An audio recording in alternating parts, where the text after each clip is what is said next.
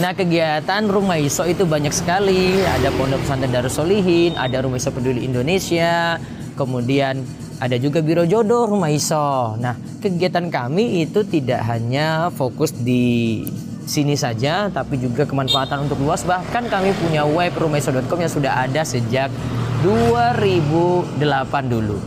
Nah, ayo manfaatkan uh, kegiatan-kegiatan ini untuk jari Anda semuanya. Dukung yuk. Dan semoga Allah langgengkan amal ini sampai ke surga. Allah barik. Ya, Assalamualaikum warahmatullahi wabarakatuh. Ini suasana di malam Kemis di mana ini adalah kegiatan rutin setiap pekannya Darussolihin mengadakan kajian untuk umum rata-rata dihadiri lebih dari seribu jamaah yang menghadiri di sini ada jamaah dari Kecamatan Panggang, Purwosari, Saposari, Palian dan daerah-daerah yang dekat dengan pesantren Darussolihin.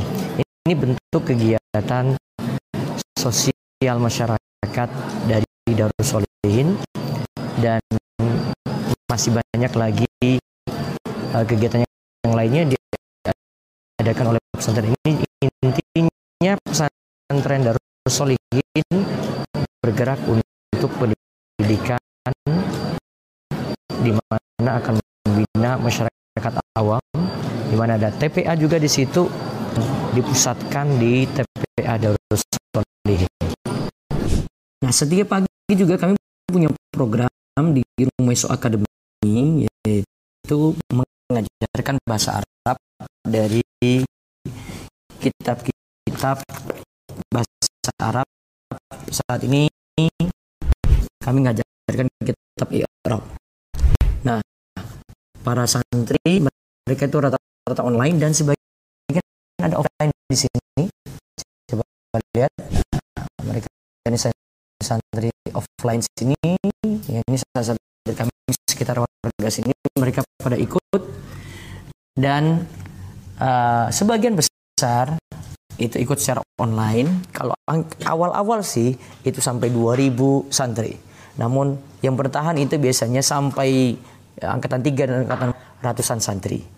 Nah, Anda bisa duk nih Rumah Iso memiliki Rumah Iso Academy, ada kelas besar, ya kelas pranikah dan kelas yang lainnya. Nah, ini keadaan santri di Pondok Pesantren Darus Solihin, yatim dan duafa. Dan santri ini mereka 18 di tingkatan SMP.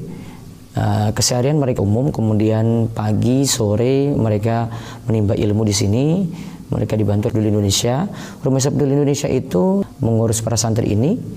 Uh, selain pon ada TPA yang didukung, kemudian yang didukung dan juga kita punya program kemasyarakatan ada ambulans kita sediakan gratis untuk masyarakat gunung.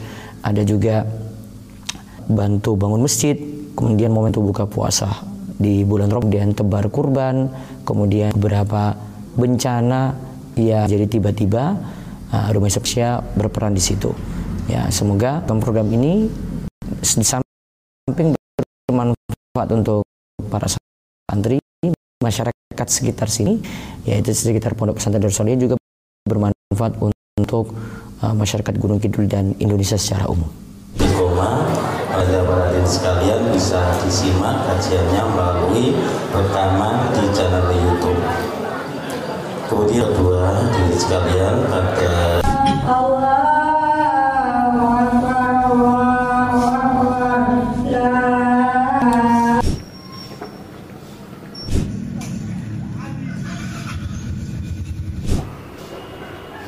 Intinya Darus Solihin itu programnya banyak banget. Tidak hanya mengurus pesantren saja, ada program sosial, ada program pendidikan, sampai juga pada biro jodoh.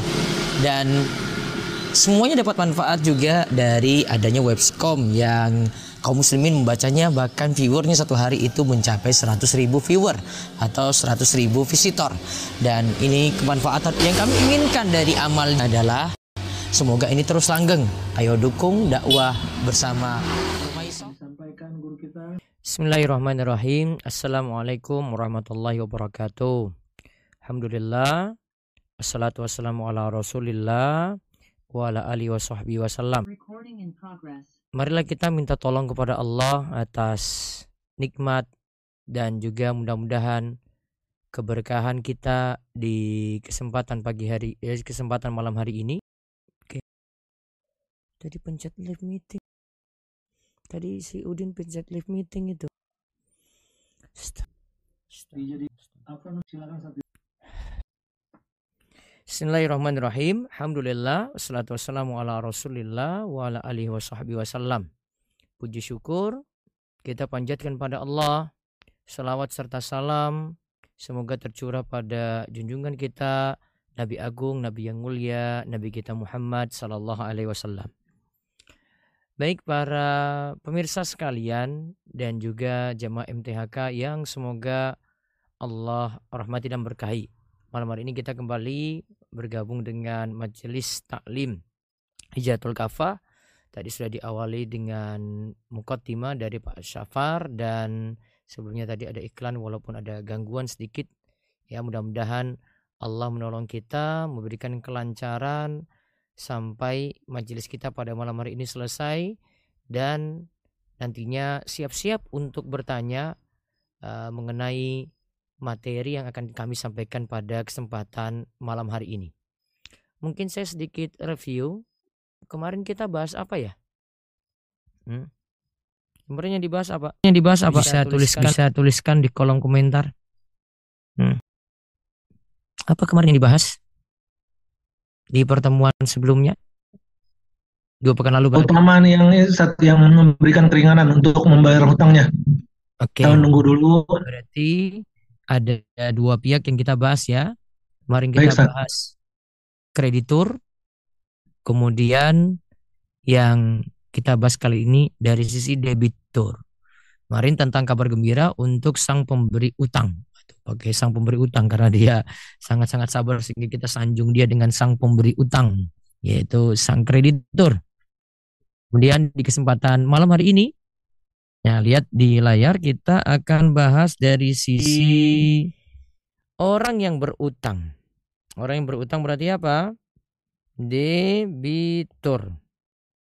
Debitur. Hmm. Dari sisi debitur. Di sini jadi pembahasannya memang harus kita bedakan ya.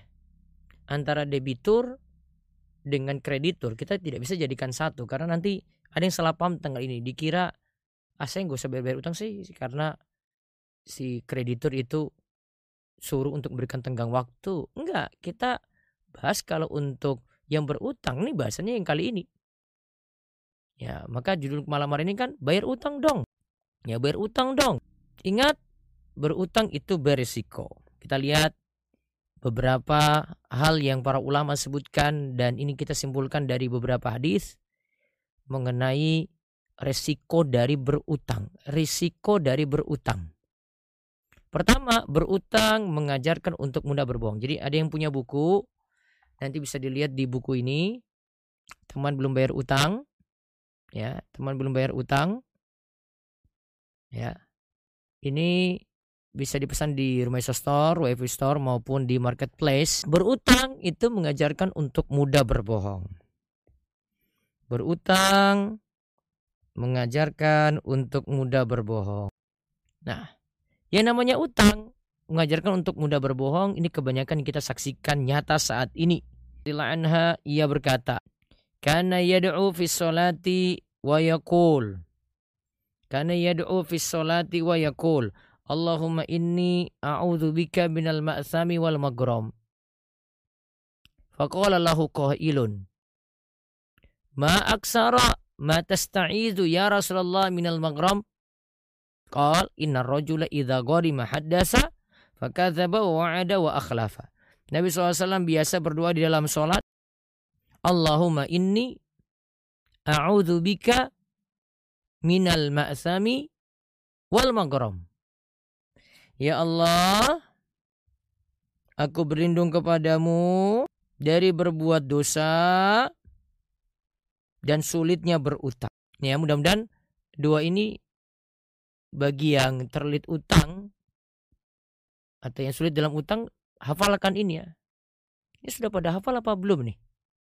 Allahumma inni a'udzubika minal ma'sami wal magrom atau baru mendengar doa ini malam ini? Hmm?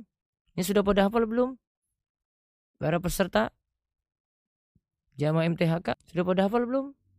Yang di Instagram sudah pada hafal? Yang di YouTube sudah pada hafal doa ini? Allahumma inni a'udzubika minal ma'sami wal magrom.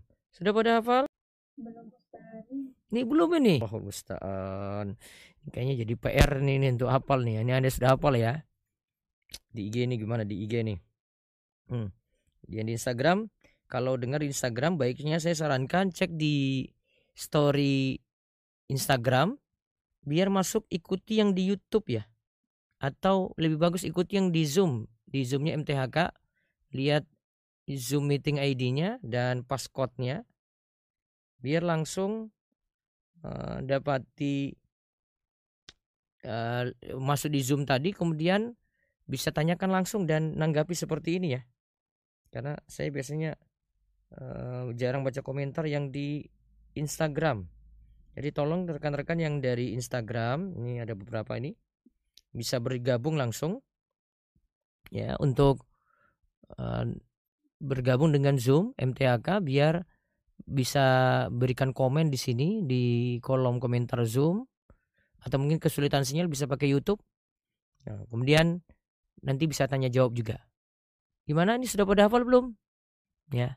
Tugasnya hafal ini ya. Allahumma inni a'udzubika. Ya Allah, aku minta perlindungan kepadamu minal ma'sami dari dosa wal magrom, dari dosa wal magrom dan dari terlit utang. Oke. Okay? Lihat di sini ini dua ini penting banget. Saya kalau ngajarin masyarakat umum, eh, bahkan kalau saya ngisi pengajian umum ya di kampung-kampung, di desa, di Gunung Kidul ini dua ini saya haruskan mereka hafal karena problem mereka di masalah utang ini. Mana-mana mumet, pusing, bingung, pikiran jadi berat gara-gara utang. Mungkin Nabi SAW ajarkan ini dan sebagian ulama anjurkan ini dibaca di akhir sholat. Sebagian ulama anjurkan ini dibaca di akhir sholat. Nah, Lalu ada yang berkata kepada beliau Shallallahu Alaihi Wasallam, kenapa engkau sering meminta perlindungan dari utang? Kenapa engkau sering meminta perlindungan dari utang? Rasulullah lantas bersabda, jika orang yang berka, orang yang oh, berutang itu berkata dia sering dusta. Jika dia berjanji, jika dia berjanji dia akan mengingkari.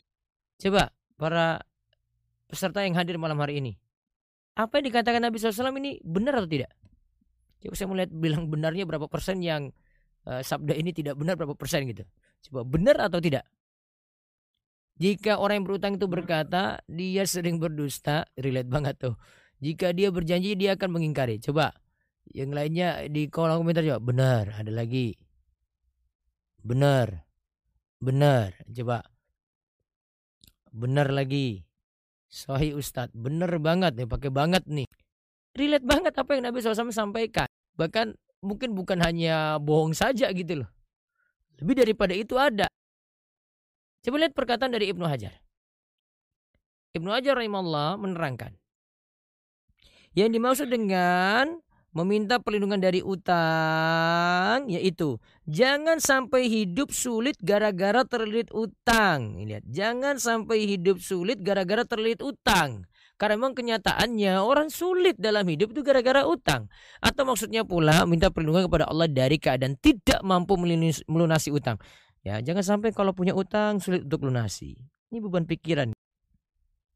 Dan dari sini kita belajar juga ya. Kita belajar juga sudah deh. Ada duit baru beli. Gak ada duit ya nggak usah beli gitu.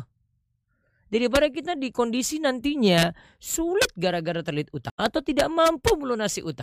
Kata Ibnu Hajar lagi dalam Ibnu Asyik Ibnu Munir disebutkan bahwa hadis meminta perlindungan dari utang tidaklah bertolak belakang dengan hadis yang bicarakan tentang bolehnya berutang. Ini tidak kontradiksi. Berutang boleh seperti yang kita sudah bahas sebelumnya ya. Sedangkan yang dimaksud dengan minta perlindungan adalah dari kesusahan saat berutang. Nah, di sini ada catatan di sini ya. Namun jika yang berutang itu mudah melunasinya, kan ada orang yang juga mudah melunasi. Dia bilang bulan depan saya bayar ya, benar-benar dia bayar. Maka berarti orang ini ia telah berarti ia telah dilindungi oleh Allah dari kesulitan dan ia pun melakukan sesuatu yang sifatnya boleh atau mubah. Artinya berutang boleh. Ya, dia kalimatnya berutang itu boleh. Tadi doa tadi maksudnya adalah jangan sampai kita itu kalau berutang malah sulit untuk lunasi. Silakan berutang, terus minta tolong kepada Allah agar utang tadi bisa dilunasi dan lihat kemampuan diri. Al-Muhallab rahimahullah mengatakan dalam hadis ini terdapat dalil tentang wajibnya memotong segala perantara yang menuju pada kemungkaran. Yang menunjukkan hal ini adalah doa Nabi SAW ketika berlindung dari utang. Dan utang sendiri dapat mengantarkan kepada dunia. Lagi kalau sudah tahu sifat dirinya, kalau utang itu nanti bohong utang dulu lah. Karena karakternya yang bohong ini dibangun dari utang gitu. Terus keadaan yang kedua lari dari utang akan dikumpulkan bersama golongan pencuri. Dari Suhaib al Khair radhiallahu anhu Rasulullah Sallallahu alaihi wasallam bersabda ayyuma rajulin yadayyanu dainan wa huwa mujmiun alla yuwafiyahu iyyahu. Laki Allah sarika siapa saja yang berutang lalu berniat tidak mau melunasinya, lalu berniat tidak mau melunasi, maka dia akan bertemu Allah pada hari kiamat dalam status sebagai apa? Pencuri. Coba kita lihat pengertian ini ya. Al-Munawi rahimahullah mengatakan orang seperti ini akan dikumpulkan. Ingat, dikumpulkan bersama golongan pencuri dan akan diberikan balasan sebagaimana mereka. Ibnu Majah membawakan hadis di atas pada bab barang siapa berutang dan berniat tidak ingin melunasinya. Oh, berarti kita bagi di sini ada dua ya. Ada orang yang berutang, dia yang pertama di sini. Ya, yang pertama di sini. Dia berniat tidak mau melunasi, tidak ingin melunasinya. Ada keadaan yang kedua berarti apa? Ada yang berutang dan berniat ingin melunasinya. Nanti kita akan lihat balasan yang ini, bahasan yang ini nih. Berniat ingin melunasi untuk keadaan yang kedua ini Allah akan tolong. Nanti kita akan lihat hadisnya. Allah akan yang penting punya tekad. Allah akan... Nah sekarang saya bertanya, ada nggak orang yang seperti ini? Dia lari dari utang. Akan dikumpulkan bersama golongan pencuri. Ada. Saya kasih contoh. Pada tahu arisan ya? Arisan itu gimana? Arisan itu gimana? Arisan boleh atau enggak sih? Arisan boleh? Hmm? Ari hmm? Kita boleh ikut arisan nggak? Atau arisan itu boleh? Boleh tapi dengan syarat. Boleh Ustadz. Dan lagi boleh asal tidak tidak ada biaya apa-apa. Terus boleh Pak. Instagram sini nggak boleh. Boleh atau enggak? Boleh atau enggak nih?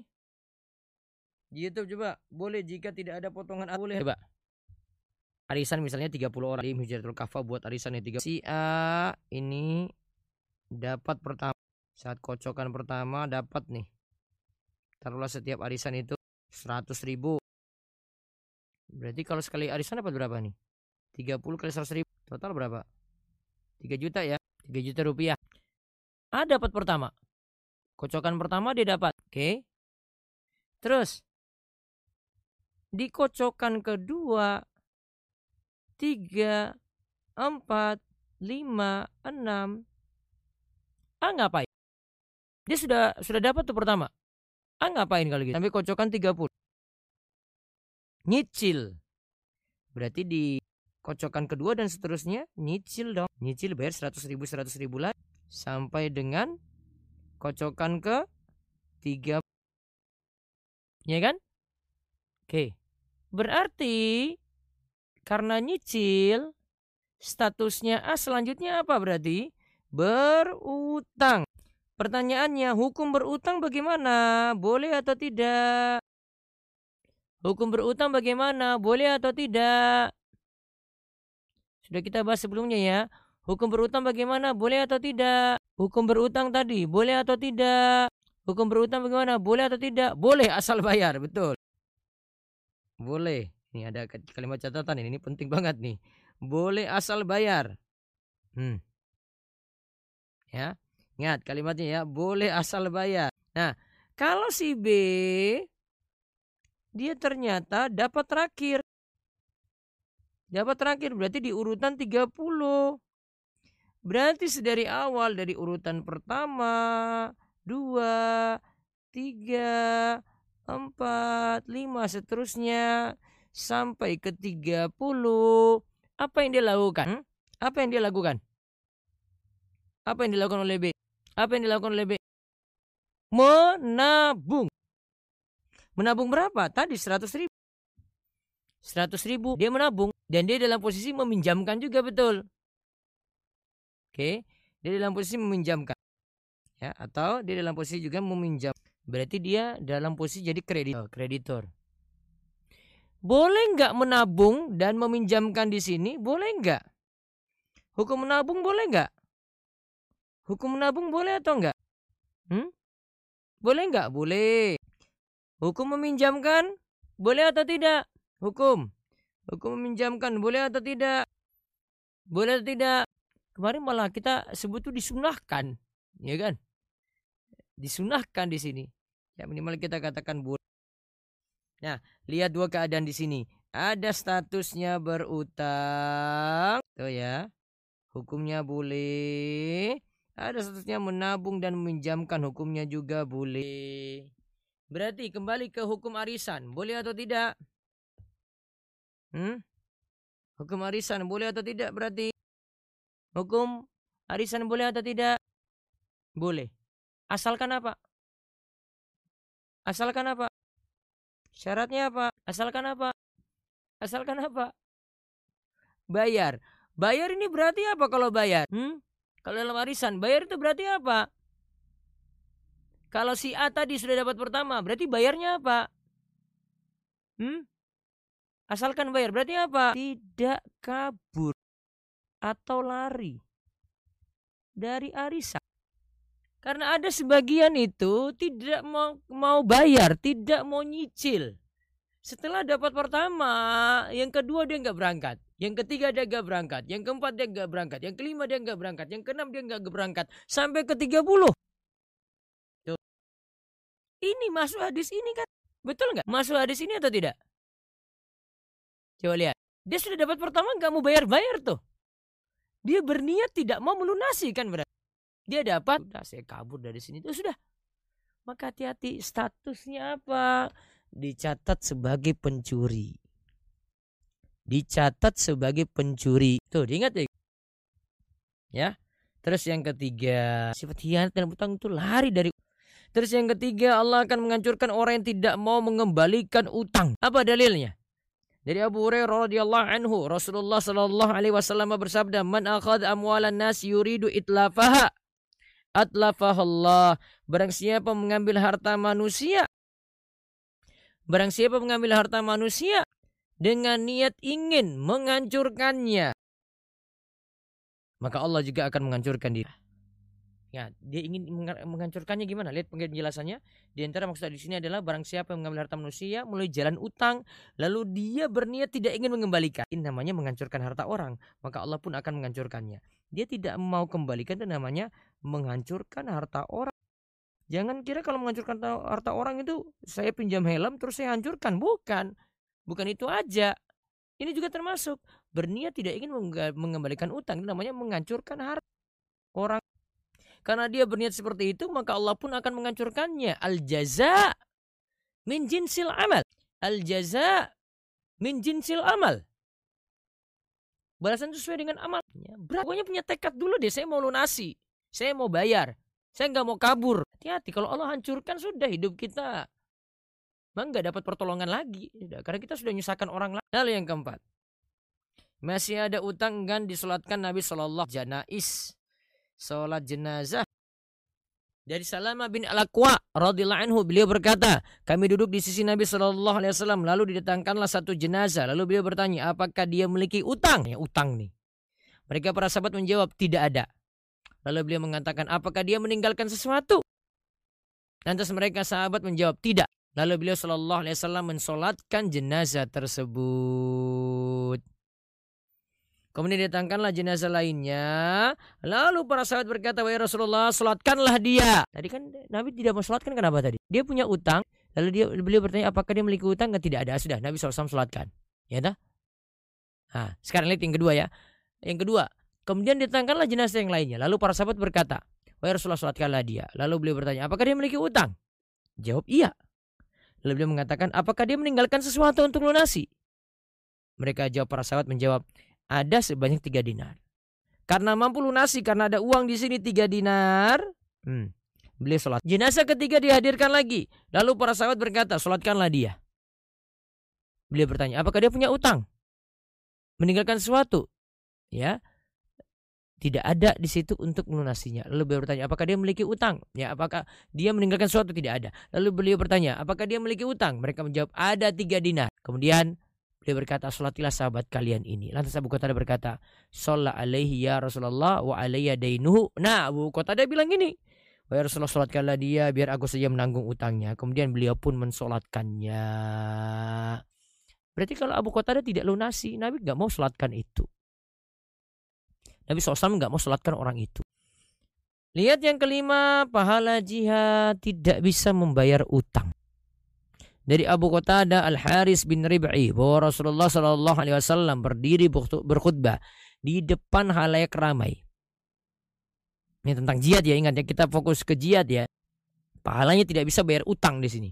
Kemudian beliau menyebutkan pada mereka bahwa jihad fisabilillah, jihad di jalan Allah dan beriman kepada Allah adalah sebaik-baiknya amalan.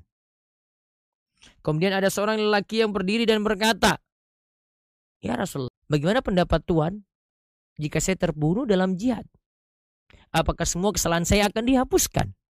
Beliau menjawab, "Na'am, in kutilta fisabilillah wa anta sabirun muhtasibun mukbilun ghairu mutbirin." Benar jika kamu terbunuh fisabilillah dalam keadaan sabar, mengharapkan pahala Allah, sedang maju, tidak lari mundur ke belakang. Selanjutnya Rasulullah Shallallahu Alaihi Wasallam berkata, apa yang kau katakan tadi?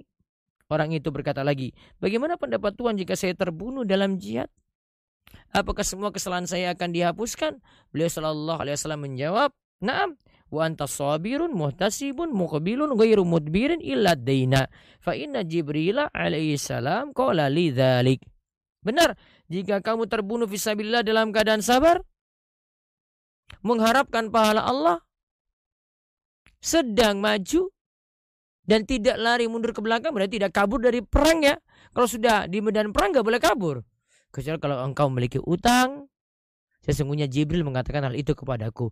Berarti walaupun terbunuh visabilillah, ini kan di awal disebut walaupun terbunuh visabilillah kalau punya utang nggak bisa selamat. Jadi pahala jihad tidak bisa menghapuskan utang tadi. Pahala jihad tidak bisa menghapuskan utang tadi.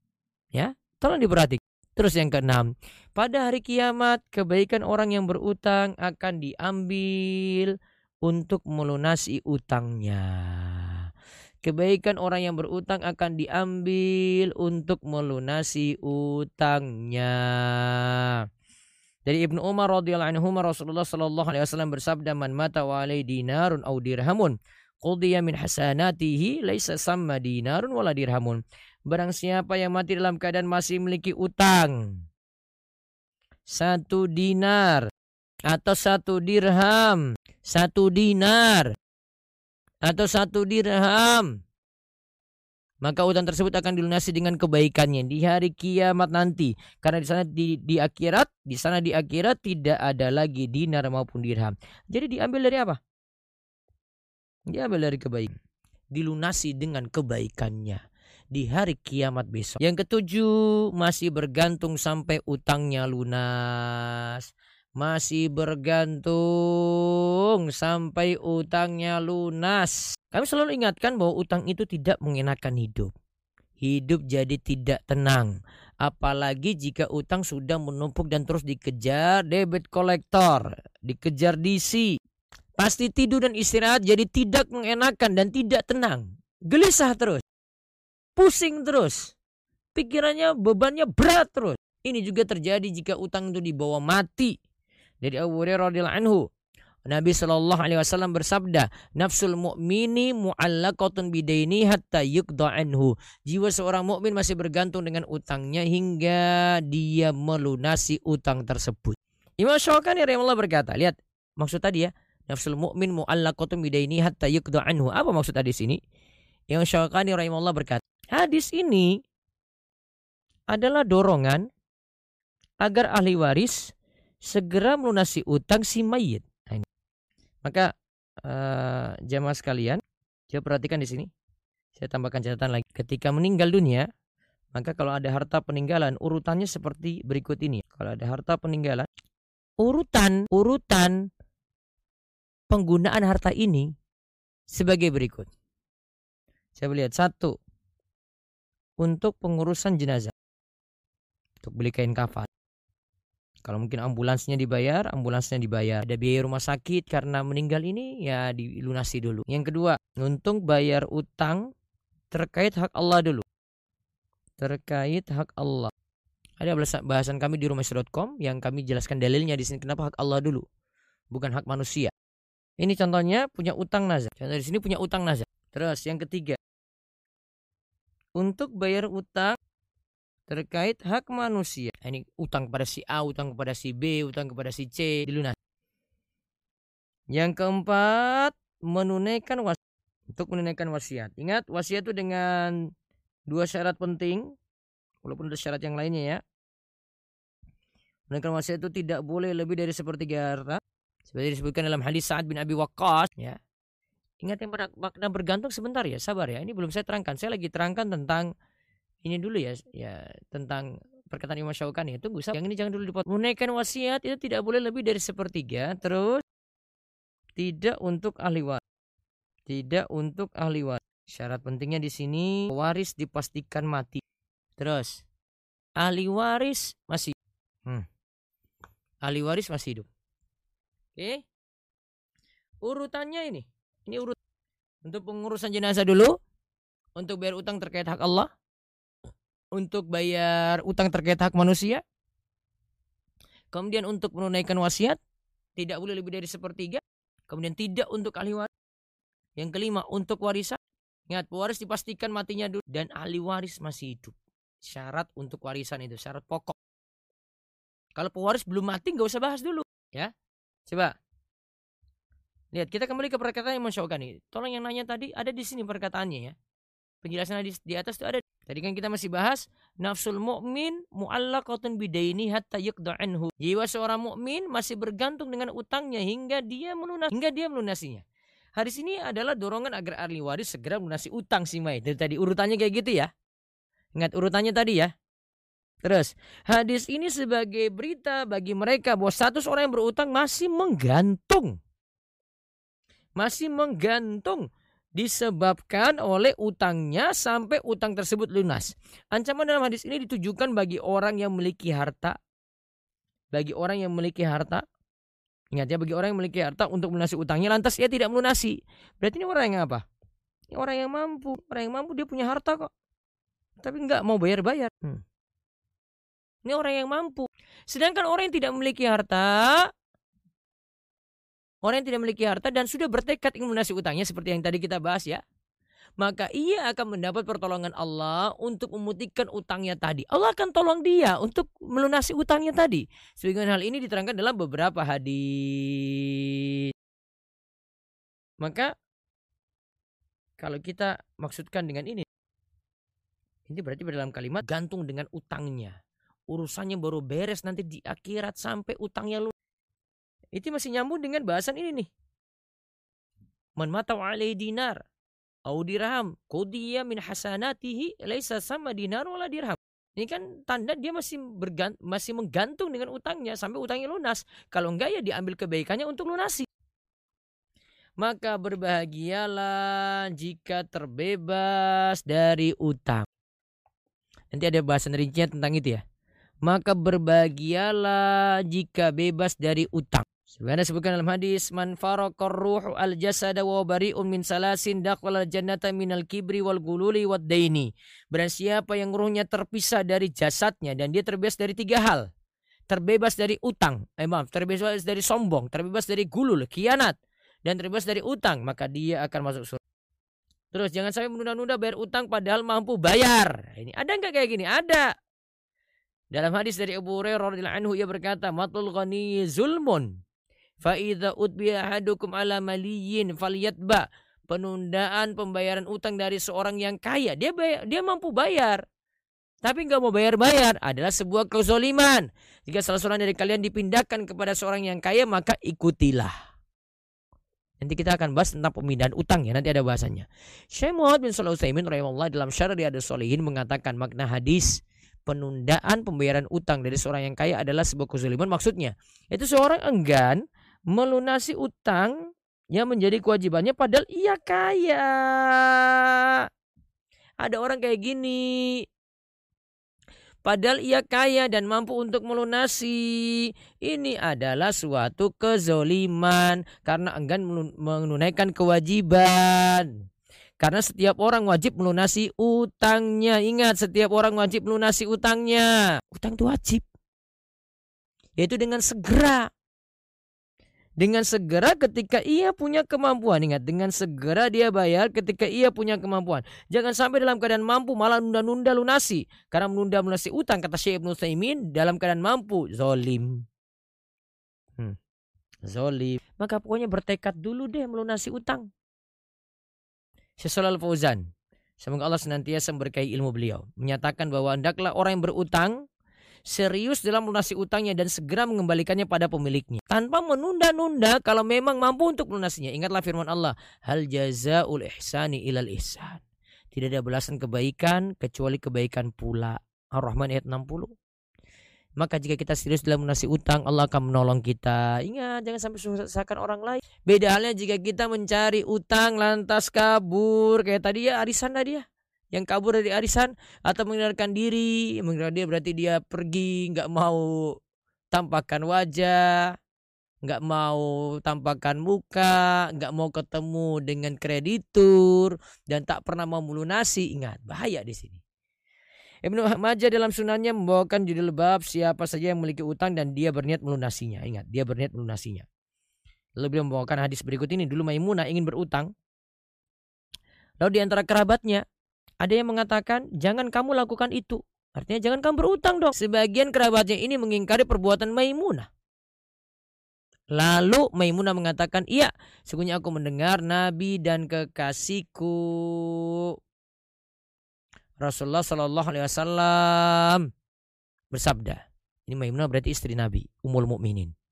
Jika seorang Muslim memiliki utang dan Allah mengetahui bahwa dia berniat ingin melunasi utang tersebut, maka Allah akan memudahkan baginya untuk melunasi utang tersebut di dunia. Juga terdapat hadis dari Abdullah bin Ja'far radhiyallahu anhu Rasulullah sallallahu alaihi wasallam bersabda, Inna Allah ma'adda ini hatta yaqdi dainahu ma lam yakun fima yakrahullah. Allah akan bersama, artinya memberi pertolongan pada orang yang berutang yang ingin melunasi utangnya sampai dia melunasi utang tersebut selama utang tersebut bukanlah sesuatu yang dilarang oleh Allah. Dalam riwayat lainnya disebutkan pula hadis dari Maimunah, ia pernah mendengar Rasulullah SAW bersabda, Man akhadha dainan wa huwa yuridu ayu addiyahu anallahu azza wa jalla. Siapa yang mengambil utang lantas ia bertekad, ingat bertekad untuk melunasinya Allah akan menolongnya. Yang dimaksud dengan hadis di atas siapa yang mati dalam keadaan utangnya belum dilunasi. Padahal ia tidak menyepelekannya. Seperti ia termasuk orang yang sulit melunasi. Dia orang susah. Atau ia mati tiba-tiba padahal ia memiliki harta yang tersembunyi. Dan niatannya memang untuk melunasi utang tersebut di dunia. Ini menurut salah satu pengertian yang disebutkan Ibnu Hajar dalam Fathul Bari. Adapun hadis ini yang tadi kita bahas. Nafsul mu'min mu'allaqatun bidani hatta yukda anhu. Hadis ini menunjukkan ditujukan pada orang yang mampu lunasi tapi nggak bayar-bayar. Maka masih bergantung dengan utangnya. Ada punya sudah bertekad melunasinya atau dalam keadaan sulit melunasi utang, tapi sudah bertekad maka Allah akan menolongnya. Ingat pula ancaman lainnya, Kalau seorang meminjam harta lantas tidak punya niatan untuk mengembalikan, disebutkan dalam hadis hadis Abu Hurairah, "Man akhadha amwalan nas yuridu adaha adallahu adallahu anhu, wa man akhadha yuridu itlafa atlafahullah." Siapa yang mengambil harta orang lain di antaranya berutang, lantas ia bertekad untuk mengembalikannya, maka Allah akan menolongnya. Dan siapa yang meminjam harta orang lain, lantas ia bertekad tidak mau mengembalikannya, maka Allah akan menghancurkan diri. Yang jelas dari pembahasan kita ini, terakhir, lihat. Pikir matang-matang kalau mau berutang. ya Pikir matang-matang kalau mau berutang. Ingatlah, Nabi kita SAW sendiri selalu berdoa tadi ya. Allahumma inni a'udzubika minal ma'asami wal Qayyim katakan, Nabi SAW meminta perlindungan kepada Allah dari berbuat dosa dan banyak utang karena banyak dosa akan mendatangkan kerugian di akhir. Sedangkan banyak utang akan mendatangkan kerugian di dunia. Wallahu a'lam bisawab. Baik, sambil nunggu untuk tanya jawab dari kru Rumaiso TV ada iklan terlebih dahulu. Coba sebentar. Silakan yang mau resen kita tunggu. Silakan resen. Ya. Ada rumah dulu sebentar. Silakan ada nanti yang dari ini juga ya dari kolom komentar. Tapi nanti yang prioritas saya ngeresen dulu. Oke. Yang ngeresen dulu coba kami tunggu dulu berapa waktu. Ya, tunggu dulu. Welcome kepada kami kami Imam Majelis tanggal 2 Musikal. Ini pada Baik, silakan Pak Safar. Monggo. Monggo. Baik, eh, bagi. Bu Fatih yang sudah resen, silakan menyampaikan Fatih. pertanyaannya. Eh, Assalamualaikum Ustadz. Waalaikumsalam warahmatullahi wabarakatuh. Eh, Ustadz saya Silakan. izin bertanya. Saya kan buka usaha nih, misalkan saya buka toko ya Ustadz ya. Eh, kemudian ada orang yang membeli produk saya dengan akad kan kita jual beli, tapi ternyata waktu itu mampu bayarnya nyicil. Nyicil, Hmm. misalkan akadnya awal nyicil enam bulan misalkan ya Ustadz ya. Itu udah udah nanti nyicilnya berapa ini segini segini misalkan gitu. Ternyata dalam waktu enam bulan tuh dia tidak tidak ini tidak bayar sama sekali. Itu jatuhnya jadi utang atau gimana? Karena kita kan eh, saya pernah pernah dengar dari kajian Ya. Itu utang kecil menyicau mau cash, Bu. eh, ada yang mau nyicil Ustadz, terus ada yang cash terus tiba-tiba itu nggak jadi gitu. Jadi misalkan di rumah misalkan saya mau beli barang ini dong Mbak gitu, tapi ketika di rumah dia bilangnya nyicil gitu akhirnya Ustadz. Tambah ya Ustadz ya. Dalam waktu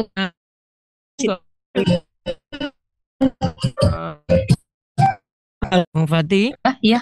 Iya Ustadz. Ini dua dua harga yang nggak jelas. Mm, ya Ini termasuk larangan jual beli dua harga. Karena sejak awal tidak jelasnya cash atau nyicil. oh ya gitu ya ya Oke? Ya. Dan Rasulullah SAW itu mulai dibahas.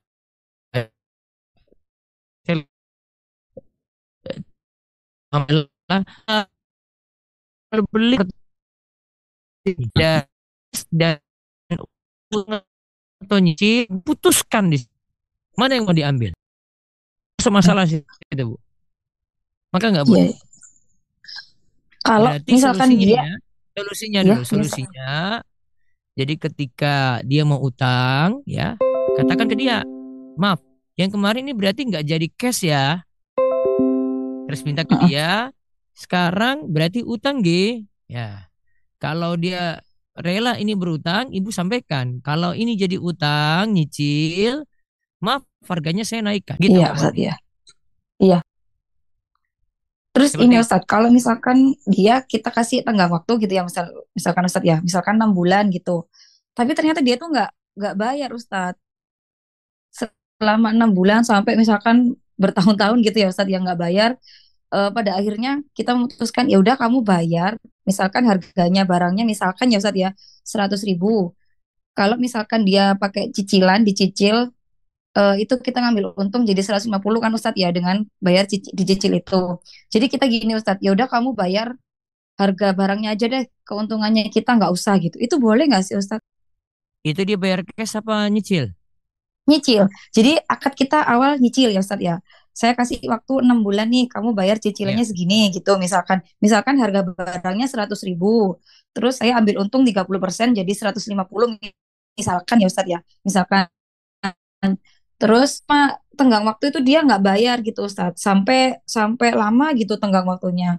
Akhirnya kita memutuskan daripada nggak dibayar, ya udah kamu bayar bayar sesuai harganya barangnya aja deh untuk keuntungannya keuntungannya kita nggak usah dibayar gitu.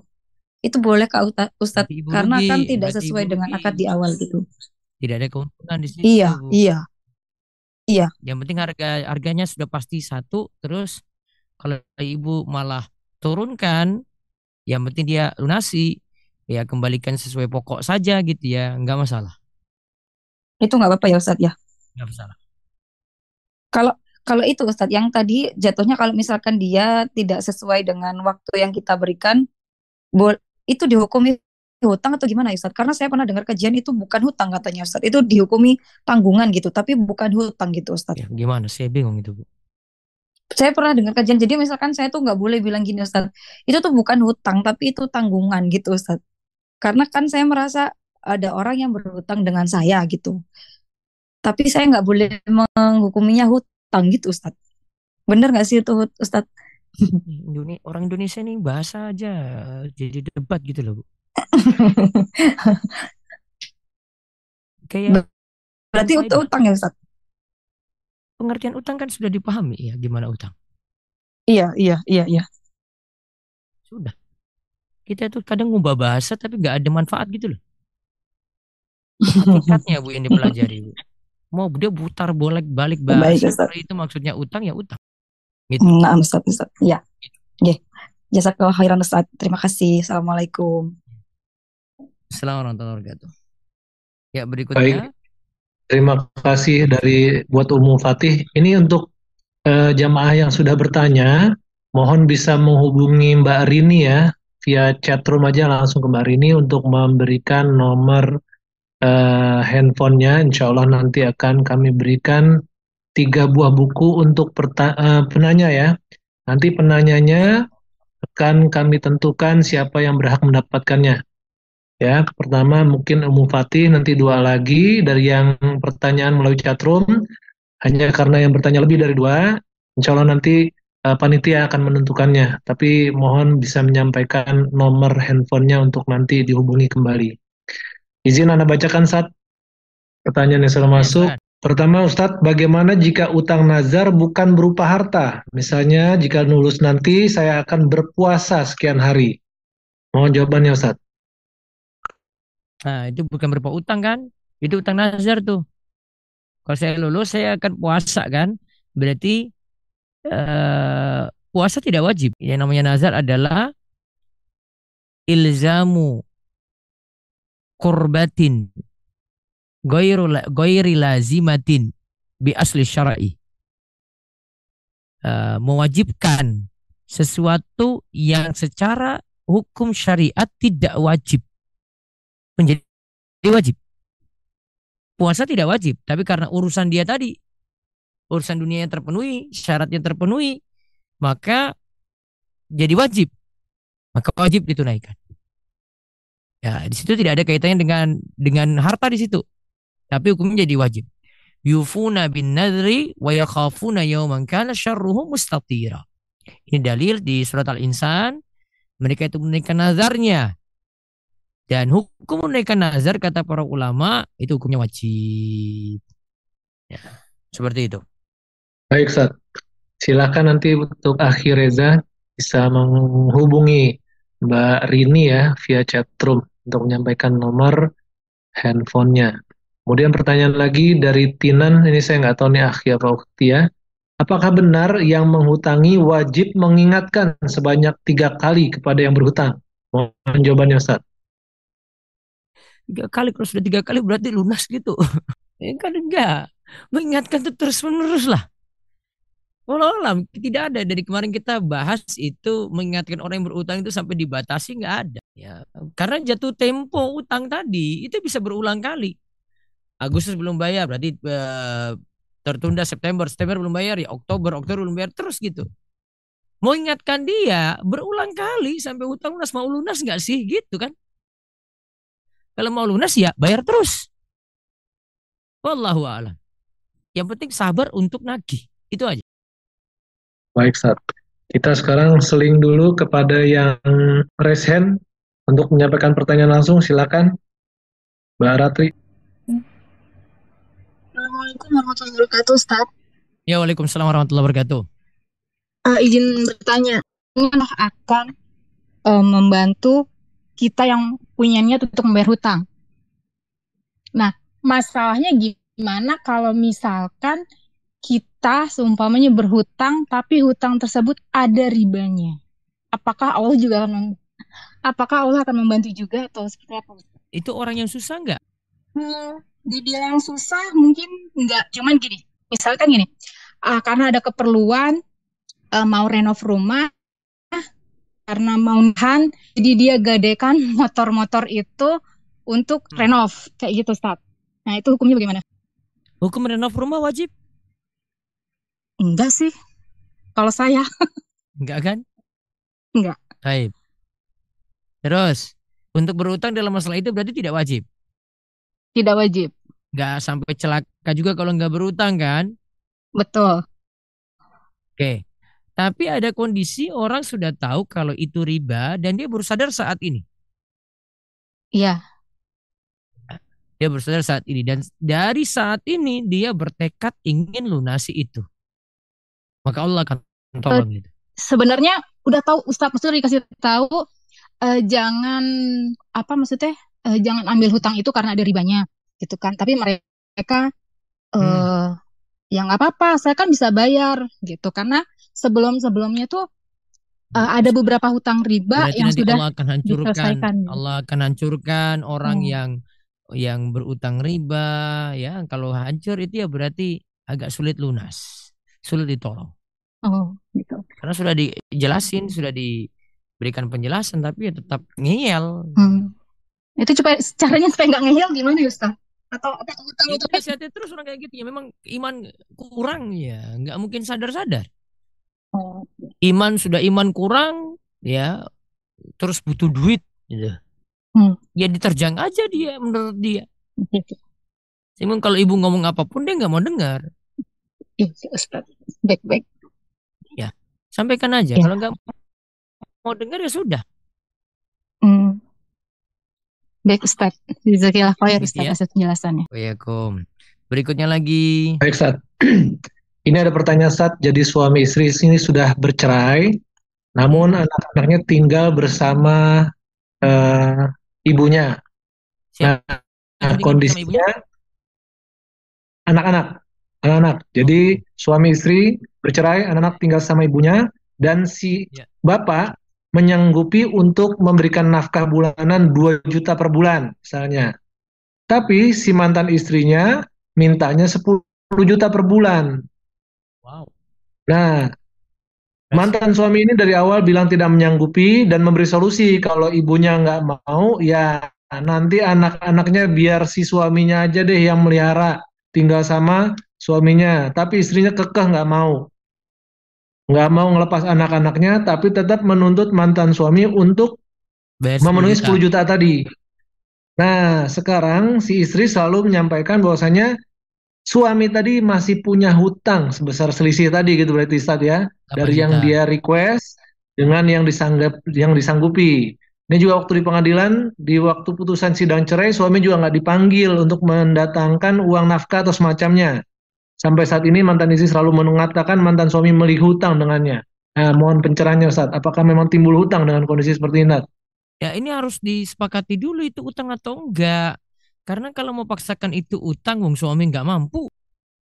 Suami nggak mampu suruh du- 10 juta cuma mampu 2 juta. Gimana mau paksakan orang utang? Gitu. Makanya harus diskusikan dulu. Ini bagaimana maunya?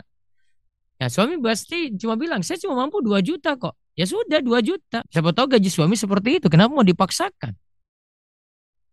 Nah, nanti kalau sudah disepakati, ya ternyata suaminya gajinya itu lebih dari itu, tapi cuma mau bayar 2 juta. Nah, nanti baru sepakati nih. Kalau gitu sisanya utang ya. Nanti kalau kamu ada uang baru bayar ya. Ah, karena dia kebetulan mungkin pada waktu itu belum mampu. Tapi sebenarnya punya harta untuk lunasi itu. Nah, berarti jadi utang. Jadi untuk diskusikan itu jadi utang, ya rembuk dulu. Kalau mau putuskan jadi utang, rembuk dulu gitu. Jangan satu pihak saja. A'lam. Baik, Ustaz. Selanjutnya, Ustaz, ada pertanyaan juga, Ustaz. Kalau yang ber- berhutang memberikan lebih dari nilai hutangnya, apakah boleh diterima? Karena ucapan dari yang berhutang sebagai terima kasih sudah dibantu. Nah, kan tidak ada syarat awal. Tambahan dalam utang piutang itu jadi riba jika ada syarat awal. Jadi kalau ketemu dengan dia ketika awal itu, nah kita pinjamkan uang 5 juta ya. Terus kita bilang, saya mau pinjam 5 juta ini, syaratnya ada. Bunga 5% gitu misalnya. Syarat awal. Tapi kalau sudah dipinjam 5 juta, nggak ada syarat awal ya. Tapi pihak debitur yang berutang merasa sudah ditolong oleh pihak kreditur, maka dia bawakan hadiah. Kada, tanpa ada tanpa ada syarat di awal ya.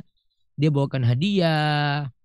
Mungkin ada hasil panennya ke, mungkin ada roti dia bawa atau uangnya dia tambahkan sedikit. Mungkin anak-anak dari si maka itu sah-sah saja. Boleh. Baik. Wallahu a'lam.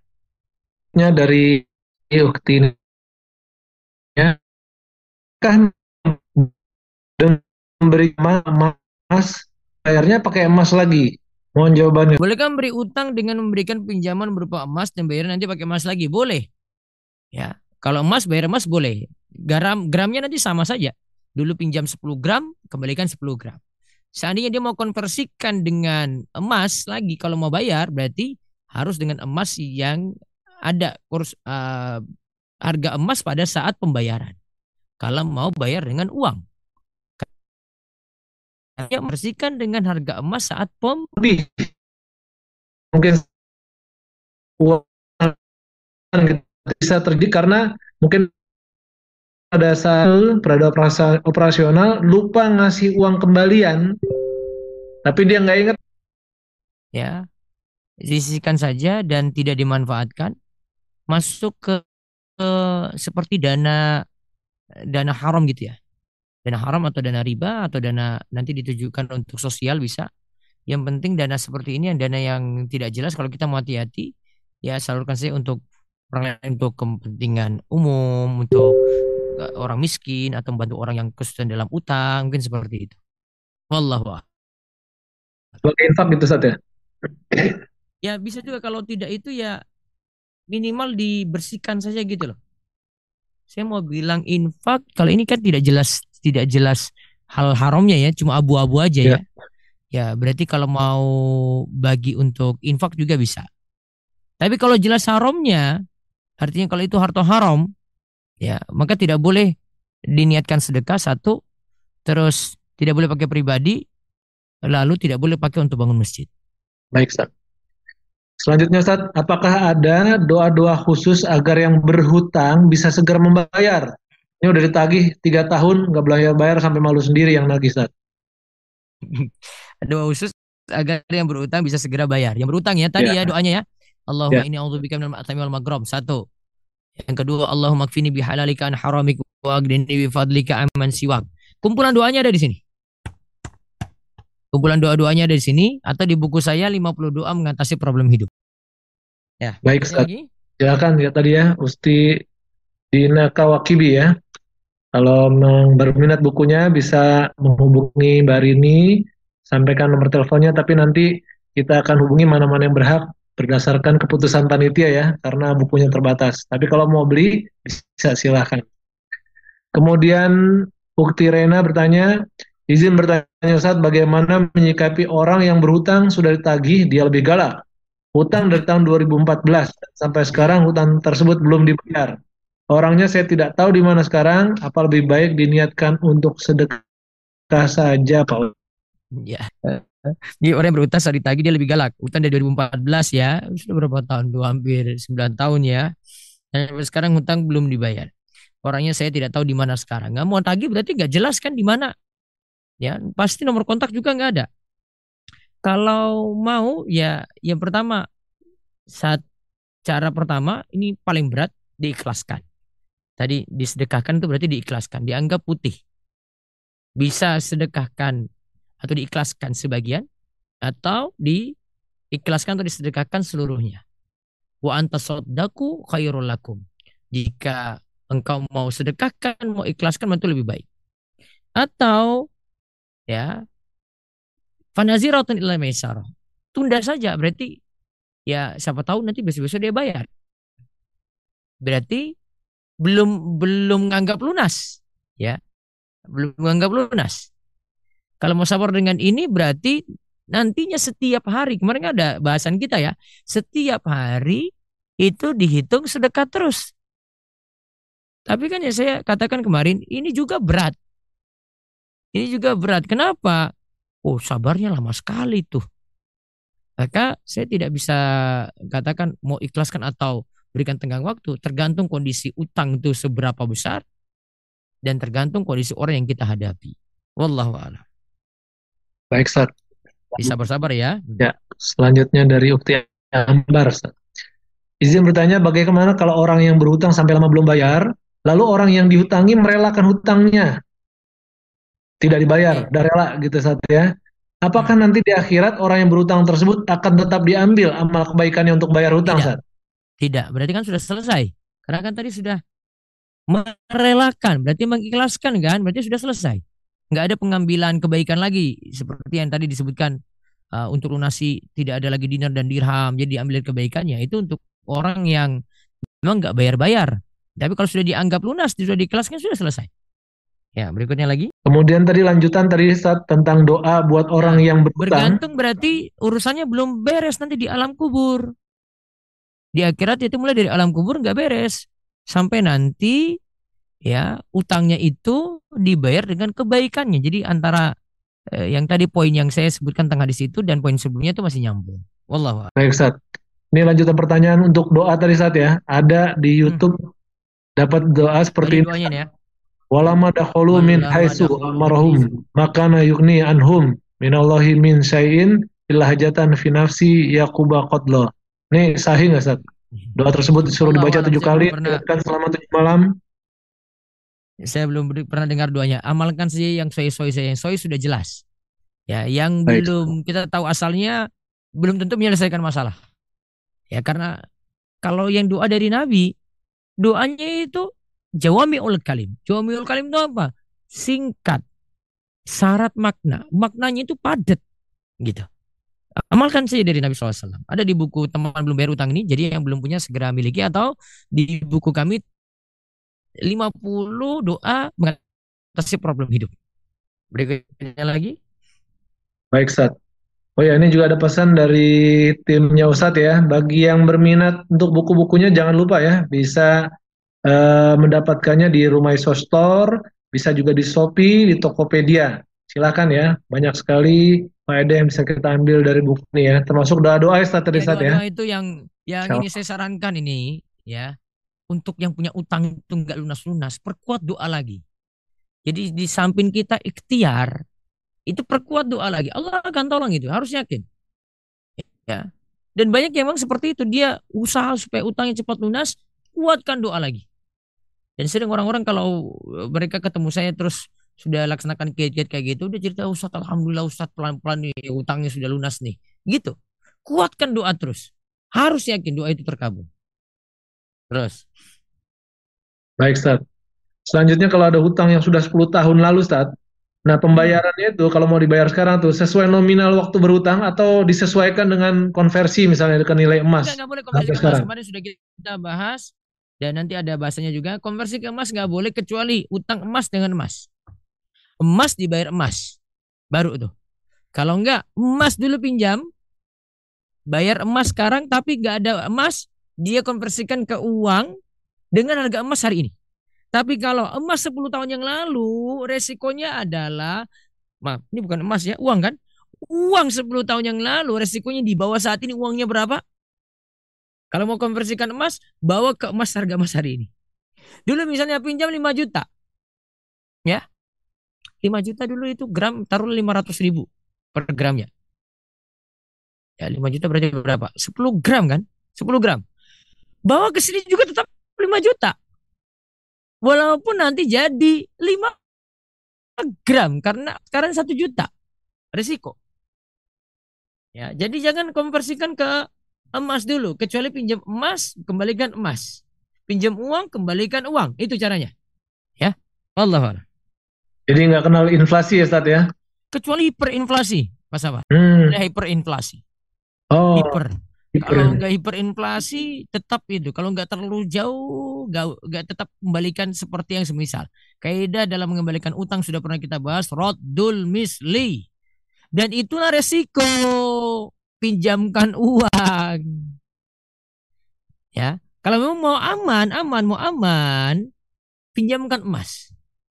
Pakai nilai emas. Baik, Ke Ustaz. emas. Kasih emas. Nah, mau pinjam berapa? Oh, 5 juta. Ah, sebentar, sebentar, sebentar, sebentar. Saya kasih emas saja ya. Gitu.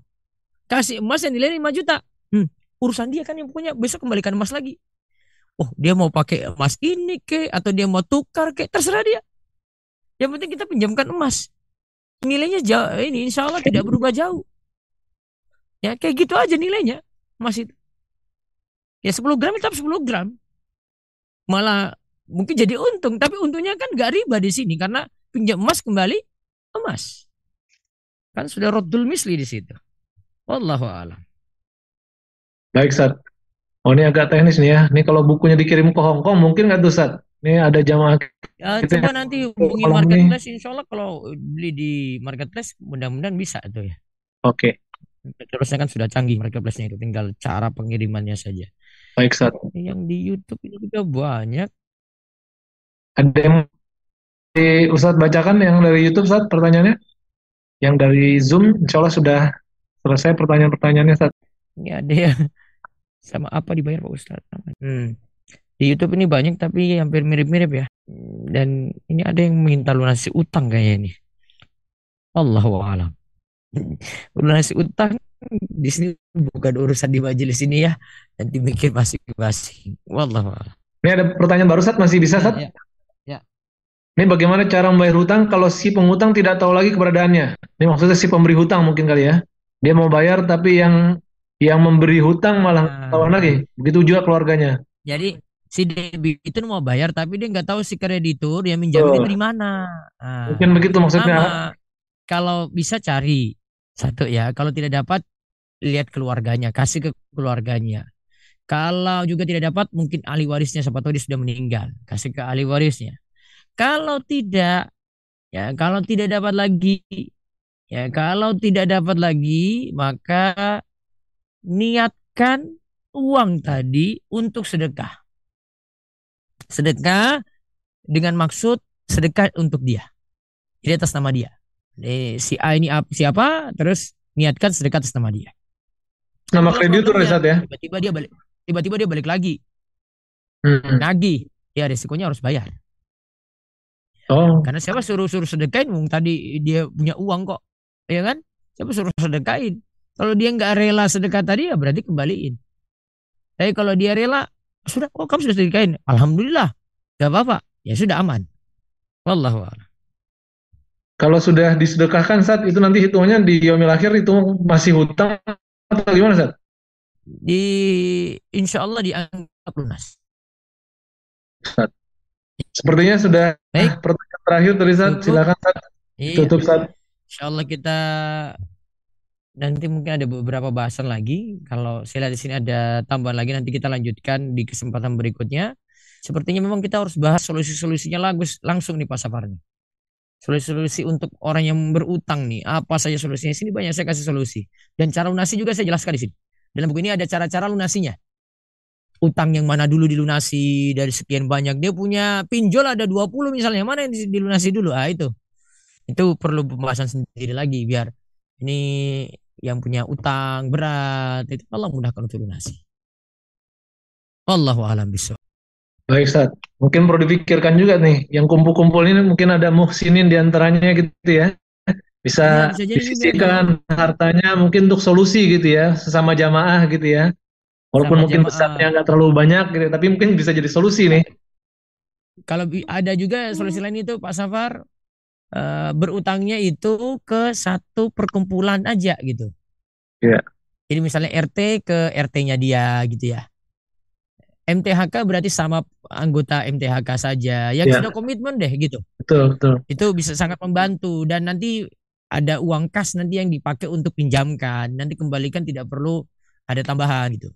Itu lebih efektif daripada pinjam ke orang yang nggak dikenal atau orang luar gitu. Lebih resiko dibanding orang dekat. Mungkin bisa dikumpulkan nih siapa-siapa musinin mungkin yang berkenan hartanya dijadikan eh, modal gitu ya, diputar buat Iya, membantu bisa. yang kekurangan gitu ya disisihkan karena bahaya pinjol ini semakin dahsyat ini Sat. Sangat Iya, mudah didapatkan, sangat menggoda gitu. Tapi begitu bayar, nauzubillah. Iya. Baik. Eh, izin Sat, kalau Sat mau tutup, mau doa, silakan Sat. Eh, kami sarankan pokoknya perbanyak doa. Di antaranya doa tadi ya. Dan kita mohon kepada Allah, Allahumma inna na'udzubika minal ma'sami wal maghram.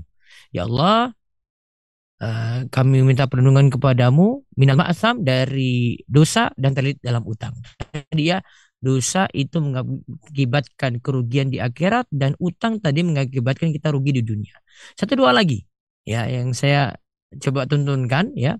Allahumma kfina Nah, kalau itu untuk kami ya, tapi kalau untuk diri sendiri, Allahumma kfini bihalalika an haramik wa agnini bifadlika Allahumma kfini bihalalika an haramik wa agnini bifadlika amman siwa. Ya Allah, cukupkanlah aku dengan yang halal. Jauhkanlah aku dari yang haram. Cukupkanlah aku agar bergantung kepadamu saja ya Allah, tidak kepada selainmu. Ah, doa ini ada tadi di sini nanti ada kumpulan doa tentang utang di sini, silakan diamalkan. Semoga utang-utangnya cepat lunas. Baik Ustaz, jazakumullah khairan kasiran wa barakallahu fikum Ustaz atas ilmunya. Semoga Allah ridho ikhtiar kita untuk menuntut ilmu. Allah mudahkan kita untuk memahaminya, Allah mampukan kita untuk mengamalkannya, mendakwakannya dan bahkan berjihad dengannya. Kita tutup dengan baca doa kafaratul majlis. Subhanakallahumma wa bihamdika asyhadu alla ilaha illa anta astaghfiruka wa atubu ilaik. Kami mohon maaf atas segala kekurangan. Kita ucapkan kami Sampai bertemu pada pertemuan berikutnya yang seolah akan kami informasikan melalui media sosial. Bila taufik wal hidayah. Assalamualaikum warahmatullahi wabarakatuh. Assalamualaikum warahmatullahi wabarakatuh. Jazakallah khair. Semoga lancar ya Ustaz. Ya. Recording stop.